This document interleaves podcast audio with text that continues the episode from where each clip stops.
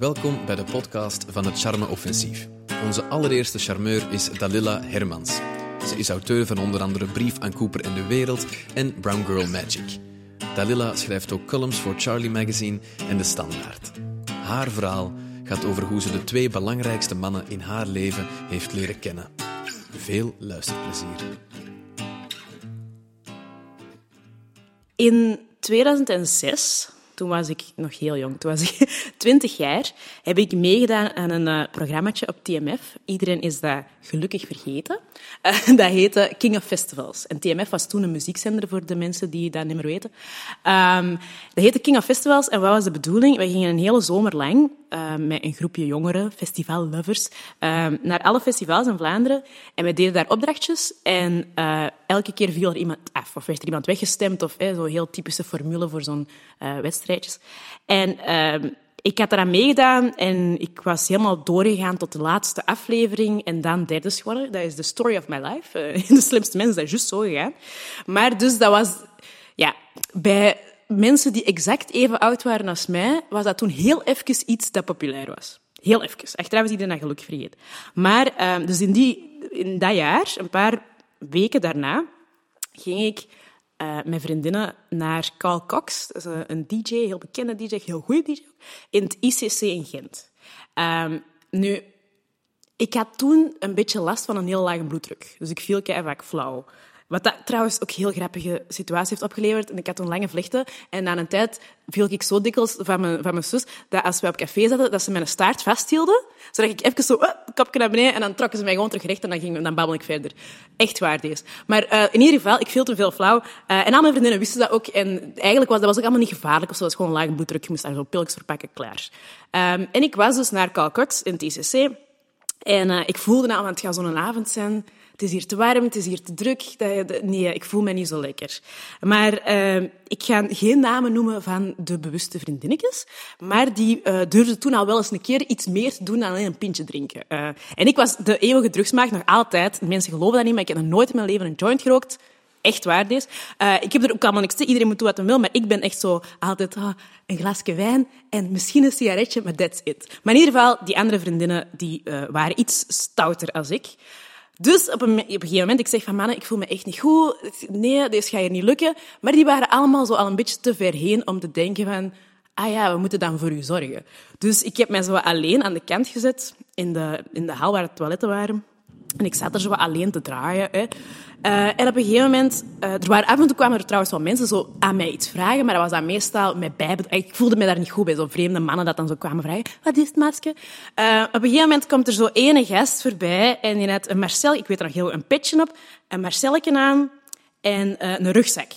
En ik had al zoiets, ah, jij ziet er zo'n beetje hip-hop uit. Dat klopt precies niet dat jij hier zit. Dat was zo, die stak er wat, uit, maar oké. En die kwam naar mij en die is zo heel rustig. Die gaat gewoon naast me en zegt van... Hé, hey, ik ken u van King of Festivals. Ik allee, zo grappig. Hè? Dus, ik was al, zelf al half vergeten dat ik daar mee had. En die begint heel rustig met me te babbelen. En, uh, en die gaat af en toe zo een, glas water voor mij halen. En voor, zo, voordat ik het door had, hadden we een hele nacht gebabbeld. En had hij mij eigenlijk door die nacht geholpen. Want ja, op mijn vriendinnen moest ik niet meer echt rekenen. Dus tegen de ochtend Iedereen is terug wat ontnuchterd. We gaan naar huis. Maar dat is in 2006. Dat is de pre-Facebook, pre-gsm-nummers uitwissel was zelfs nog niet echt zo iets dat ik gemakkelijk deed. Dus ik wist ook niet... Ik had de naam vergeten van die gast. Dat was echt gewoon... Ah ja, de, de, de nobele onbekende die mij toen uh, een beetje gered heeft. Die had wel nog s morgens mij bij mijn vriendinnetjes gaan afzetten. Dus die had die allemaal wel, wel goed gezien en ermee gebabbeld. En die zegt van, ja, dat is terug oké. Oké. We gaan even voortspoelen, twee jaar later, 2008. Um, ik ben intussen 22, maar ik ben zo oud. Maar dat terzijde. Uh, 2008 en het is Doer. Uh, nu, ik heb dus meegedaan aan Kimo Festivals, omdat ik altijd naar alle festivals ging. Dat was echt mijn ding. En dat jaar mis ik om een of andere reden Doer. Ik kon er niet naartoe. Het zal veel drama met zich meegebracht en ik deed er maar heel graag. Uh, maar heel mijn vriendenkring ging wel. En op een gegeven moment in 2008 is het jaar dat ik voor het eerst een Facebook-account heb aangemaakt, trouwens. Uh, op een gegeven moment krijg ik een bericht van een van mijn beste vriendinnen die zegt... hey, ik heb hier een gast tegengekomen en die zegt dat hem ooit een hele nacht met u in TCC aan de toiletten heeft gezeten. En uh, kende jij die? En uh, ze zegt zijn naam. Hè? Dat is Wouter. En ik echt zo, Wouter. En opeens valt mijn Frank, dat gaat die kerel zijn geweest met dat klaksje. Dus die had mijn vriendin herkend. Uh, is er naartoe gegaan van, hey, ik ben al twee jaar op zoek naar de contactgegevens van dat meisje. Dat was een keihard gesprek. En uh, dus we komen terug met elkaar in contact en we zitten allebei op Facebook. En we hebben vrij snel afgesproken, omdat ik echt ook mij herinner van dat was zo'n chill en toffe kerel die me totaal niet probeerde... Er was niks van dat. En dat is tot op de dag van vandaag mijn allerbeste maat op de wereld. We hebben nooit iets gehad met elkaar. Dat was gewoon instant vriendschap. En dat heeft zo moeten zijn dat we elkaar na twee jaar op die manier terug leerden kennen. Um, en we zijn al zo'n goede vrienden. We zijn samen op reis geweest. Als, als ik een liefdesverdrietje had, is hij de eerste dat ik bel. Als hij dat had, is denk ik de eerste dat hij belt.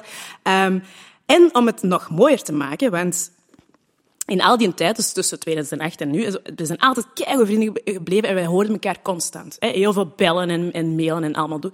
Maar hij woonde in Gent, ik woonde in Antwerpen.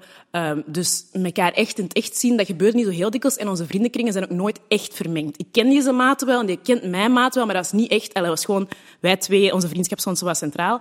Um, maar we vertelden wel heel veel over wat er gebeurde in ons leven. En die vertelde vaak over een maat van hem. Sens. Sens, zei maat.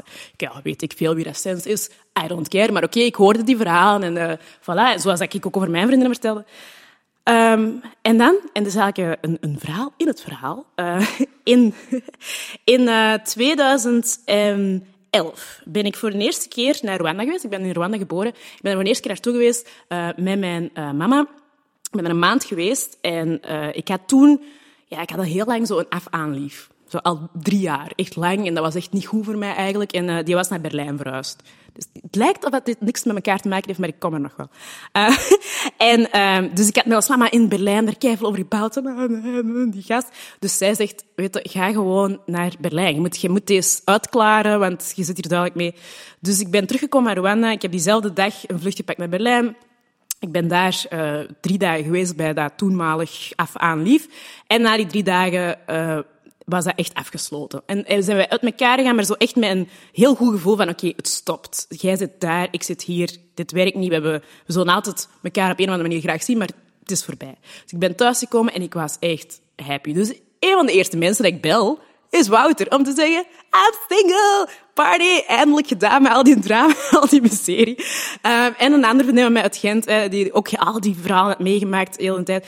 En die zei, hey, kom mee feesten in Gent en we gaan binnenkort is nog eens een hiphopfeestje. Dus ik zeg, oké, klinkt goed.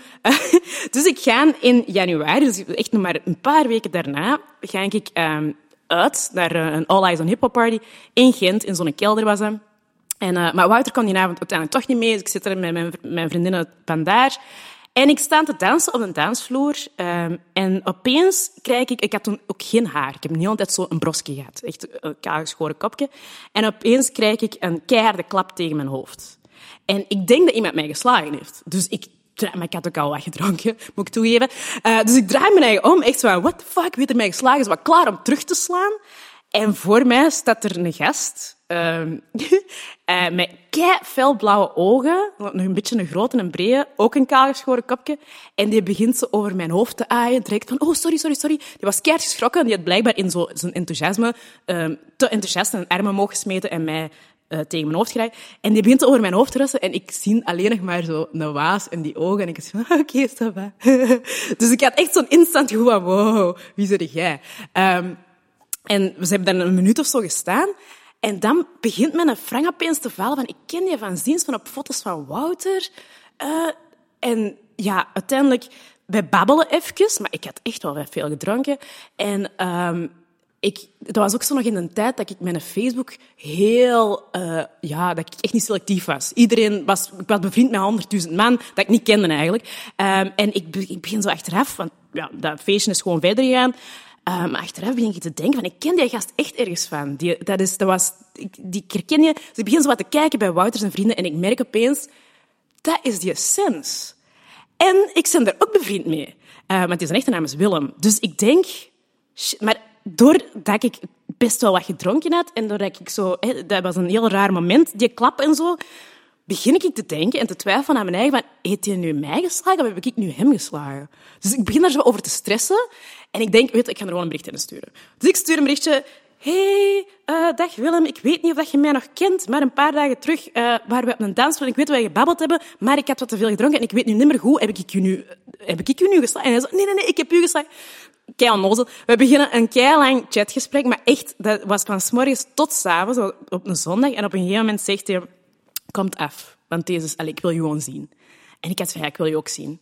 Maar ja, die zat in Brugge. Ik zat in Antwerpen. Ik zeg, ja, ik kan niet afkomen nu. En hij zei, ja, wat, doe je deze week? Ik zeg, ja, ik werk in Brussel. Ik werkte toen intussen in Brussel. En hij zei, ah, ik studeer in Brussel. Um, en hij begint zo allemaal plekken op te noemen. Ik zeg, ja, maar ik ken Brussel helemaal niet. Weet ik, ik ga daar van station naar mijn bureau en terug naar huis. Meer doe ik niet. Dus hij zegt, uh, anders ga ik je Brussel laten zien. En uh, wij, zijn, we hebben toen afgesproken op de maandag na, uh, ja, na die zondag. Dus we hebben een hele dag gebabbeld en de volgende dag direct afgesproken. Want we allebei voelden van deze maar hier geen internetding blijven. We moeten elkaar zien. Um, en ik, ik ben normaal gezien nooit, maar echt nooit zenuwachtig voor dates of zo. Ik, heb er altijd, ik deed dat keigraag. Ik heb altijd gezegd, eigenlijk hadden ze Tinder eerder moeten uitvinden, want ik had dat kei tof gevonden. Ik er echt goed in ook. Ik doe dat zo voor andere mensen, zo berichtjes sturen en swipen en zo. Ik vind dat kei plezant. Um, maar ja, dat bestond toen nog niet. Uh, maar in ieder geval, ik ben nooit zenuwachtig. Al mijn vriendinnen weten dat ook, van dat ik eigenlijk heel graag date en dat ik dat leuk vind en zo. Uh, maar die dag was ik misselijk van de zenuwen. En ik kreeg duizend berichtjes te sturen naar iedereen van, oh my god, ik heb straks met die keel achter. En dat ik echt van mezelf dacht, doe is normaal. Um, en ik kwam aan in Brussel-Noord, ik kwam me daar ophalen. We zien elkaar en dat was echt zo terug datzelfde gevoel van op die danser van, ah jij. Um, en wij zijn beginnen babbelen. En wij zijn niet meer gestopt. We hebben heel de avond gebouwd. We zijn vergeten te eten. Ik heb mijn laatste trein gemist. Alles, dat was echt insane. Ik heb, daar, ik heb dingen verteld die een avond dat ik in heel mijn leven nog niet tegen mijn beste vrienden, vrienden buiten Wouter had verteld. Um, en uiteindelijk, als je Brussel een beetje kent, de Kunstberg, daar zijn zo trapjes naar beneden. En s'avonds uh, is daar een lichtshow soms. Dus we zijn daar gaan zitten, omdat ik mijn... Ja, ik had dan naar mijn zus al gestuurd van ik blijf bij u slapen. Die woonde in Brussel, want ik heb mijn laatste trein gemist. Um, en we zijn op die trap gaan zitten, omdat we nog moesten wachten op de bus. En uh, die lichtshow begint. En deze is echt een waar gebeurd verhaal. Uit het niets begint er in de stilte en de donkerte, zo onder een lantaarnpaal, een eenzame saxofonist Moon River te spelen. En ik heb toen rap een filmpje gemaakt, omdat ik dacht, deze gelooft niemand als ik deze niet documenteer. En je hoort mij ook op dat filmpje zeggen, deze gaat niemand geloven. En daarna hebben we voor de eerste keer gekust. En uh, die man, die Willem, die dat dus de beste maat bleek te zijn van mijn beste maat, is intussen mijn echtgenoot en de vader van mijn drie bangelige kinderen.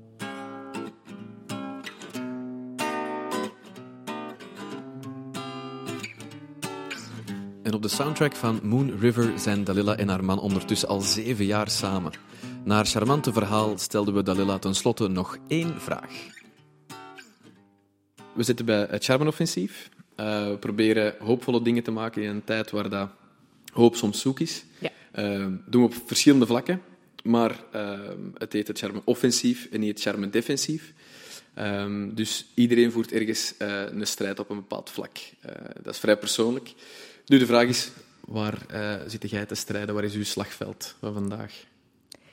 Um, waar ligt mijn slagveld? Uh, ik denk dat het, het, het, belangrijkste gevecht dat ik aan het voeren ben, is um, de samenleving voorbe voorbereiden op de realiteit die diversiteit is. Dat klinkt misschien een beetje zweverig, maar altijd als ik spreek over racisme of antiracisme, als ik probeer uh, stereotype beeldvorming aan te klagen, als ik uh, probeer daar verandering te brengen, is dat omdat ik hier graag wil blijven, omdat ik hier uh, een gelukkig gezin wil opvoeden, omdat ik hier uh, zie welke verschuivingen er zijn in de demografie. Gewoon als je kijkt naar Antwerpen, is, de, is er zijn meer nationaliteiten in deze stad dan in New York. Hè. Mensen beseffen dat. dat Dus dat is de toekomst. Dat is, dat, is, dat is een realiteit die sowieso gaat gebeuren. Mm En ik denk dat we er goed aan doen om de vraagstukken die dat daarmee gepaard gaan, uh, nu al te beginnen oplossen voordat er breuklijnen ontstaan, voordat je twee maatschappijen naast elkaar krijgt van de autochtone witte Vlaming versus al de rest.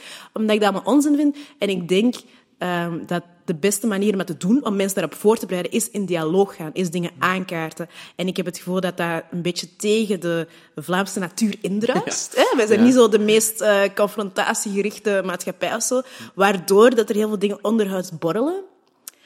Um, en ik probeer die dingen bloot te leggen en aan te tonen van we kunnen hier een gesprek over hebben. Ik mag zeggen dat bepaalde dingen mij tegen de borst stuiten, dat ik hier dagelijks racisme zie, dat het mij stoort. Ik mag dat zeggen, maar dat betekent niet dat mijn deur dicht is. Dat ik dat even ga roepen in de wind en dan terug verdwijn. Mijn strijd is echt om die gesprekken te kunnen, ehm, te kunnen voeren en te faciliteren. Dus ik denk zo, dialoog aangaan, dat is, dat is het offensief. En uh, hoe wordt dat uh, ontvangen? um, dat wordt eigenlijk... Want ik, ik, ik heb soms de neiging om mij, te, hard te focussen op de weerstand. Dat doet iedereen, want de weerstand voelde heel veel.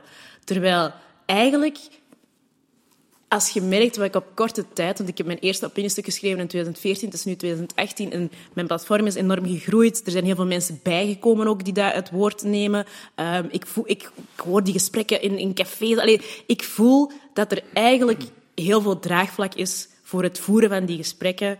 Het, het, is gewoon zo dat de weerstand, dat de roepers luider zijn, altijd. Elke keer als ik iets schrijf over racisme, krijg ik uh, een, een, vloedgolf aan haatberichten. Elke keer, maar hetzelfde. elke keer, altijd dezelfde dingen, meestal van dezelfde de mensen. Maar ik merk ook dat er eigenlijk een hele grote groep stilzwijgende mensen toch nadenkt. Of toch zoiets van, ik ben het er misschien mee eens, maar het is wel goed dat ze dat zegt. Dus ik denk dat het, dat het op zich meevalt met die weerstand. Dat, ik moet gewoon af en toe zo dat wegtrekken van mezelf en daar van een afstandje naar kijken en denken van oké, okay, wat is er nu effectief gebeurd? Hè? Als we kijken naar bijvoorbeeld uh, Pukkelpop, uh, mm -hmm. dat is uh, incident op Pukkelpop. Um, er zijn paktweg 800 mensen op Twitter en Facebook heel fel beginnen bashen op, op dat slachtoffer, op mij, op iedereen die zo geschreven. Maar 800 mensen op een bevolking van 6 miljoen Vlamingen is niet zoveel. En dat is, nee, dat is niet representatief. En, en terwijl wij, wij de neiging hebben om dan naar die mensen te kijken, van, oh, zie je wel, en die haat leeft. En dat is zo, hè, dat segment bestaat. Mhm. Maar er zijn er ook heel veel die daar even gedegoteerd waren als, als wij allemaal, die dat, dat liedje schandalig vonden, die daar nog nooit van hadden gehoord. Er zijn er veel meer. Dus En waarom zwijgen die? Ik denk dat...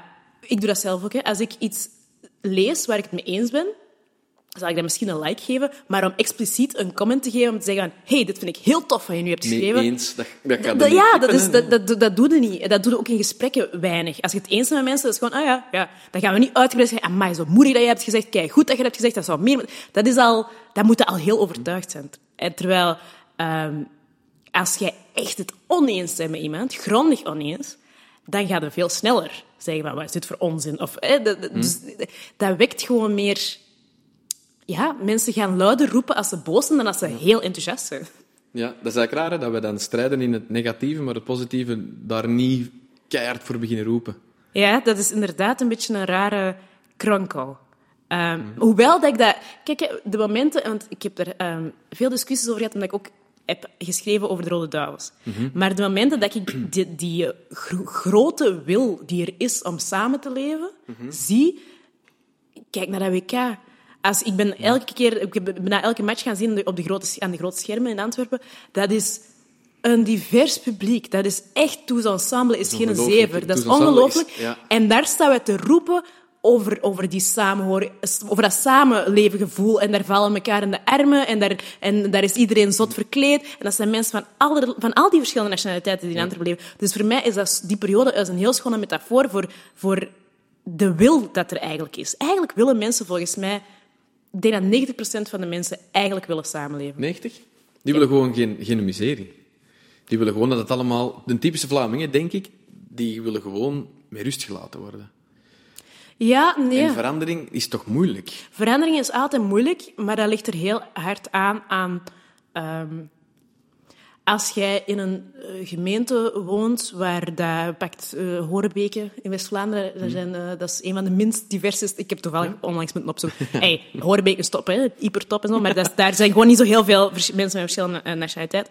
Als je daar woont en je hebt daar heel je leven gewoond, al je vrienden zijn van daar, je ouders, hè, dan snap ik dat dat een ontzettend ver van je bedshow is. Waarom zou jij inzitten als je daar woont met wat ik vind over het N-woord, bijvoorbeeld? Je komt zo'n mensen niet tegen.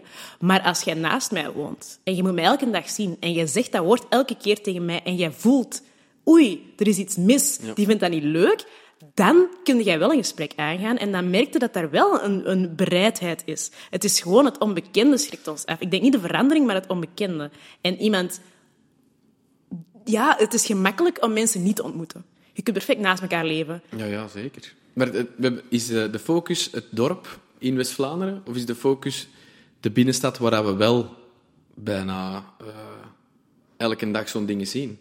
Voor mij is de focus de, de binnenstad als in die diverse, eh, ja, diverse dat is superdiversiteit, omdat die onvermijdelijk gaat uitdijnen naar overal.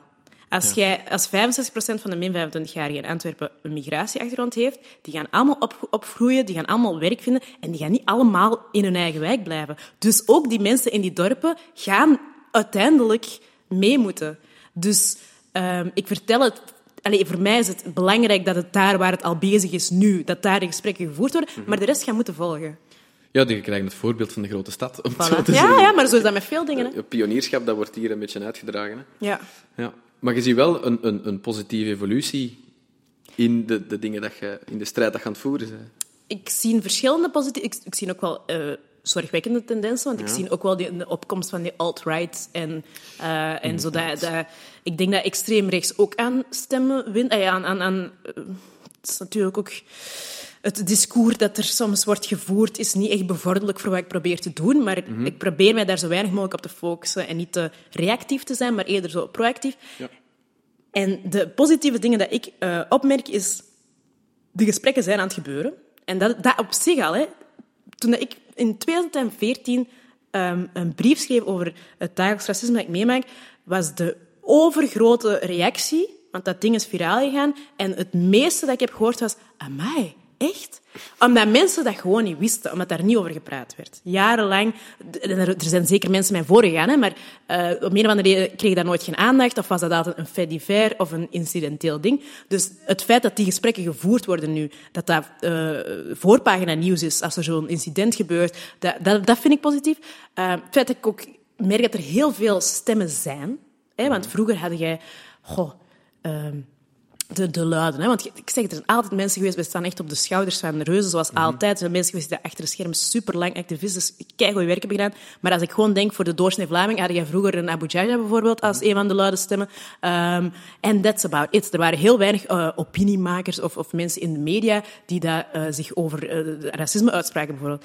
Eh, En nu zijn we, zijn we met, met veel. Ik merk dat ook. Ik ben al lang niet meer de enige zwarte vrouw die hierover schrijft. Fantastisch vind ik dat.